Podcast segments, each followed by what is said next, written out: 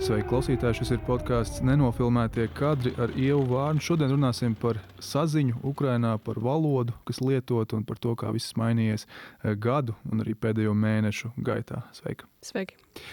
Tad eh, pirmkārt, eh, varbūt atskatāmies atpakaļ nedaudz pagātnē, kad tu pirmoreiz ieradies Ukrajinā tieši darba vajadzībās, runāt ar cilvēkiem, intervēt viņus.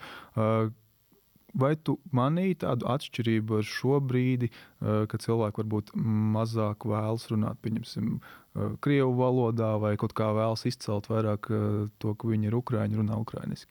Pavisam noteikti to es teiktu, tas ir kā diena pret nakti, to nevar salīdzināt, jo tiešām, ja es pat kaut vai salīdzinām, nav jāskatās iepriekš, tur, piemēram, 19. gads, ja mēs kaut vai salīdzinām darbu, Um, 21. gada decembris, 21. Gada, 22. gada pat janvāris um, nebija problēmu sazināties ar, ar cilvēkiem krieviski. Mm -hmm. um, bet šobrīd es teiktu, ka nu, es nebaidīšos teikt, ka apmēram 90% intervējamo cilvēku arī Austrumukrainā, kur es teiktu, ka ir lielākā daļa krievalodīgo, viņi cenšas um, runāt ukrāņu valodā. Lai gan te gan arī jāatzīmē, ka viņi paši saka, viņi to sauc, es pat nezinu, vai latviski ir tāds uh, tulkojums šim vārdam, ka Donbasā izmanto Viņi runā, viņi saka, suržikam. Tas ir ne īsti ukrāņu valodā, ne īsti krievu, ka tas ir kaut kas sajaukts. Bet uh, arvien vairāk tu jūti, ka sastop vienkārši ne, nejauši sastaptus cilvēkus uz ielas, nu, kā viņiem intervijas.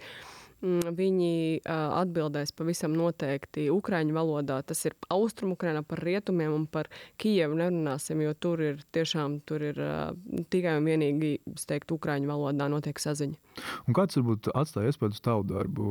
Protams, varbūt pašā sākumā, kad aizbrauc uz Ukrajinu, tā Ukrāņu valoda nu, to nevar uzreiz tā varbūt arī pat pamatfrāzes ir jāmācās un tur tam ir jāpierod. Uh, laika gaitā, kā tu teiktu, cik varbūt tava vārnīca ir paplašinājusies Ukrāņu valodā? Um, es teiktu, ka ļoti. Uh, ja mēs runājam par tādu saprāšanu, es um, atceros, ka sākām braukt jau tā intensīvi kopš 24. februāra. Um, pirmie mēneši bija tādi, ka es daudz ko nesapratu. Man bija tā, ka es sūtīju izgrieztus uh, video fragmentus uh, cilvēkiem, lai viņi man pārtulko Ukraiņiem. Uh, tad šobrīd es varu pateikt, ka es saprotu 95%, ko man saka pavisam noteikti, un arī pati ļoti cenšos runāt ukrainiski. Un, uh, kā man ir paši ukrāņi teikuši, apstādinot šajos pašos kontrolu posteņos, policisti vai karavīri, ka viņi saka, kā jūs, es, es saku, televīzija no Latvijas ukrainiski, un uz kādiem jautājumiem sāk atbildēt, un prasa, kā jūs tik labi protat mm -hmm. ukrāņu valodu. Uh, ka, nu, jā, tā ir tā, tas ir tas, ka bez tā nevar šobrīd Un ne tikai tāpēc, ka nevar, bet tas ir veids arī, kā es cenšos izrādīt, izrādīt uh, cieņu pret uh, viņiem. Jo man nu, pašai īsti negribas runāt šajā ja, krievu valodā.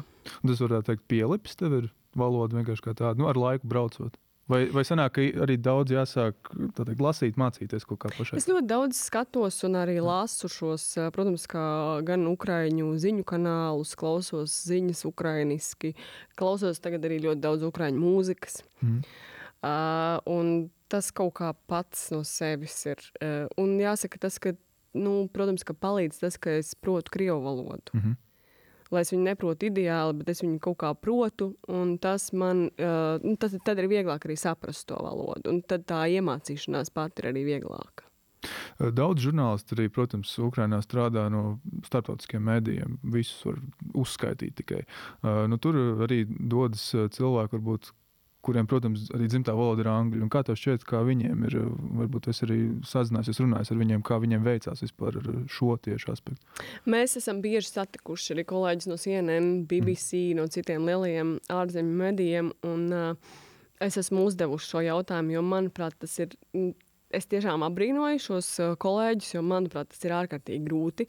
Viņiem ir līdzi tulks, kurš, nu, caur kuru notiek šī saziņa. Žurnālists pasakā jautājumu angliski, tulks pārtulko tālāk cilvēkam uh, ukraiņu valodā, un tad atkal caur to tulku tiek saņemta atbilde.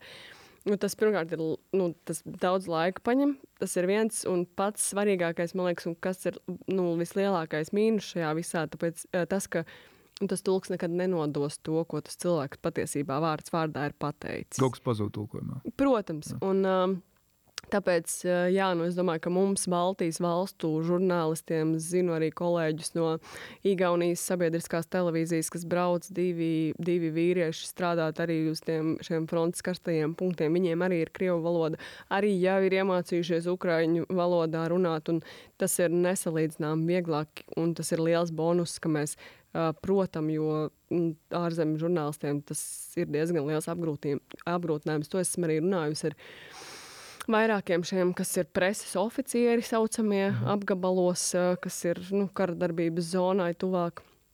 Ka viņi arī saka, ka viņiem tā ir liela problēma, un arī, nu, arī tā teikt, ka tas varbūt apgrūtina viņiem piekļuvi dažādām varbūt, vietām. Tāpēc, ka, nu, piemēram, arī karavīrs viņam, nu, viņš ir piekritis strādāt ar kaut kādu žurnālistu kopā. Uh, nu, viņš negrib arī uh, pakļaut to cilvēku briesmām. Viņš grib to visu lietu izdarīt, kā saka, ātrāk. Bet, ja tev ir vēl, tur ir pirmkārt vairāk cilvēku, lielāka komanda, tas viss ir daudz bīstamāk un tas ir apgrūtinoši, mhm. protams. Jā, runājam par angļu valodu un žurnālistu lietojumu valodu. Uh, bet, ja pieņemsim cilvēks kāds, uh, pieņemsim, ka krievu valodā viņš ir balta lapa un ierodās Ukrainā, kā ar iztikšanu angļu valodā saziņā? Kā tu teiktu? Nu, kā kurā vietā es teiktu?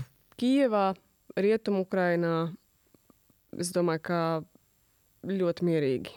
Mierīgi. Jā. Jā, lai gan dažreiz ir pat tādi stereotipi, nē, nu, ka tiešām grūti, grūti varētu būt. Bet es teiktu, ka. Es teiktu, ka Kijava, Rietumukraina uh, un uh, arī Dienvidos Pavisam noteikti tas ir iespējams. Bet, uh, nu, ja cilvēks grasās braukt uz, uz, uz, uz, uz, uz austrumu Ukrainu, tad uh, nu, tur varētu būt pagrūti. Un uh, arī nesen, varbūt atcaucam atmiņā, tu pati arī biji Ļuvā, Rietumu Ukrainā. Tur bija ieradies uh, Latvijas prezidents Eglis Levits ar kundzi, arī bija viesojies pie Zelenska ar kundzi.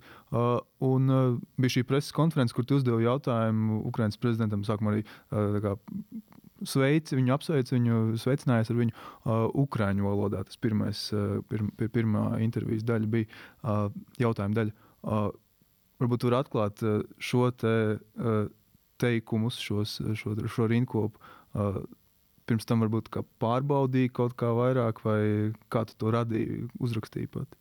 Vai es sagatavojos Jā, kaut kā? Man šis, šī, šī, tas, ka es uzdošu šo jautājumu, man vispār tas, ka es varēšu uzdot jautājumu, uh, es to uzzināju, esot tur uz vietas. Mm -hmm. Un, uh, tas nebija nekur priekšā uzrakstīts. Es vienkārši pēc savām sajūtām man gribējās viņam pateikt paldies par viņa uh, spēku un uh, tiešām šo nesalaužamību visu šī gada laikā.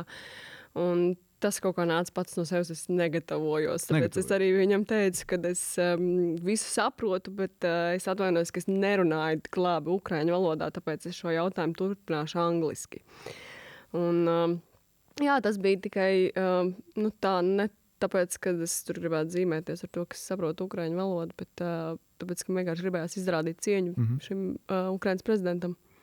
Un, uh, viņa atbildē bija jūtams tāds tiešām nu, neviltots. Tā pateicība Latvijai arī par to, ko mēs gan palīdzam, gan materiāli, militāri un citādi arī ar, ar žurnālismu, ka mēs palīdzam atspoguļot to, kas notiek Ukrajinā.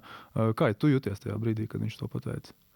Ļoti jauki. Nu, tā kā es teikšu, tā, ka ne, tas, protams, ka no dzirdēt no Ukrainas prezidenta, tas uh, ir uh, tā kā, tāds arī lepnums, es teiktu. Bet es, uh, manuprāt, arī jau iepriekš esmu minējusi, ka man Ukrainā strādājot, uh, vispār ir lepnums par to, ka es esmu latviete, ka es esmu no Latvijas. Uh, Tāpēc, ka nevienam izdzirdot to, ka mēs esam televīzija no Latvijas un mēs esam atbraukuši šeit strādāt, viņiem nevienam nav jautājums par to, kas ir Latvija, ko jūs vispār darat, vai visi ir ārkārtīgi pateicīgi par to, jo visi zina to, cik mūsu valsts ir un mūsu valsts cilvēki ir palīdzējuši un turpina palīdzēt. Varbūt var paraksturot, pastāstīt par kādu varbūt, satiktu uz ielas cilvēku. Varbūt ir bijis kāda saruna tieši par Latviju. Vai, uh, atceros arī filmā, pat, uh, kas nesen arī bija, ka kara gadadienā uh, bija uz ielas tāda saruna atspoguļot, jā, ka ar, uh, kāds vīrietis teica, ka viņš ir bijis arī Latvijā un uh, vēl šādas epizodes. Ļoti daudz īstenībā tas ir diezgan bieži,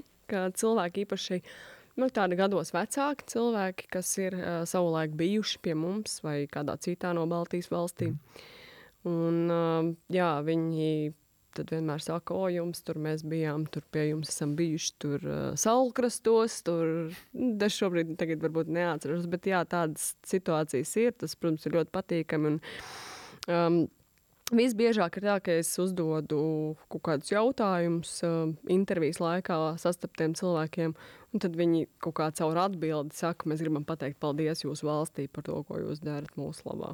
Un pārsvarā tas ir jā, nu, tā, tāda kā īsa pateicība jā, par kādu jā, atbalstu. Jā, pavisam. Vai bijušas kāds garāks sarunas, arī par Latviju, par mūsu saitēm, kas mums ir. Uh, tādas garākas sarunas, nu, es nē, nu, laikam tādas, nu, tā, nē, nav bijis. Ir tādas īsas tādas frāzes, jo mhm. parasti, mm. nu, Varbūt ar tādiem ka mēs tiešām speciāli braucam ne pat strādāt, vairs, aizbraucam tikai ciemos pie cilvēkiem aizvest. Tad viņi prasa, tur, kā mums iet un kā pie jums tur uz šo kāru skatās. Un, nu, tā kā viņiem interesē, kā, ko mūsu sabiedrība uh, domā un saka. Un, nu, jā, tad viņi saka, ka, jā, ka mēs jau arī esam. Uh, mums ir robežas ar agresoru valsti, ar divām. Un, Nu, jā, tādām tas ir. Tā, tā jau vairs nav intervija. Tas ir tad, ja mēs aizbrauksim vienkārši ciemos pie šī gada laikā iepazītiem cilvēkiem. Jā, paldies par šo sarunu. Tas bija podkāsts nenofilmētie kadri ar Ievu Vārnu. Klausieties Spotify, Apple podkāsts un Google podkāsts. Tiksimies nākamreiz. Paldies!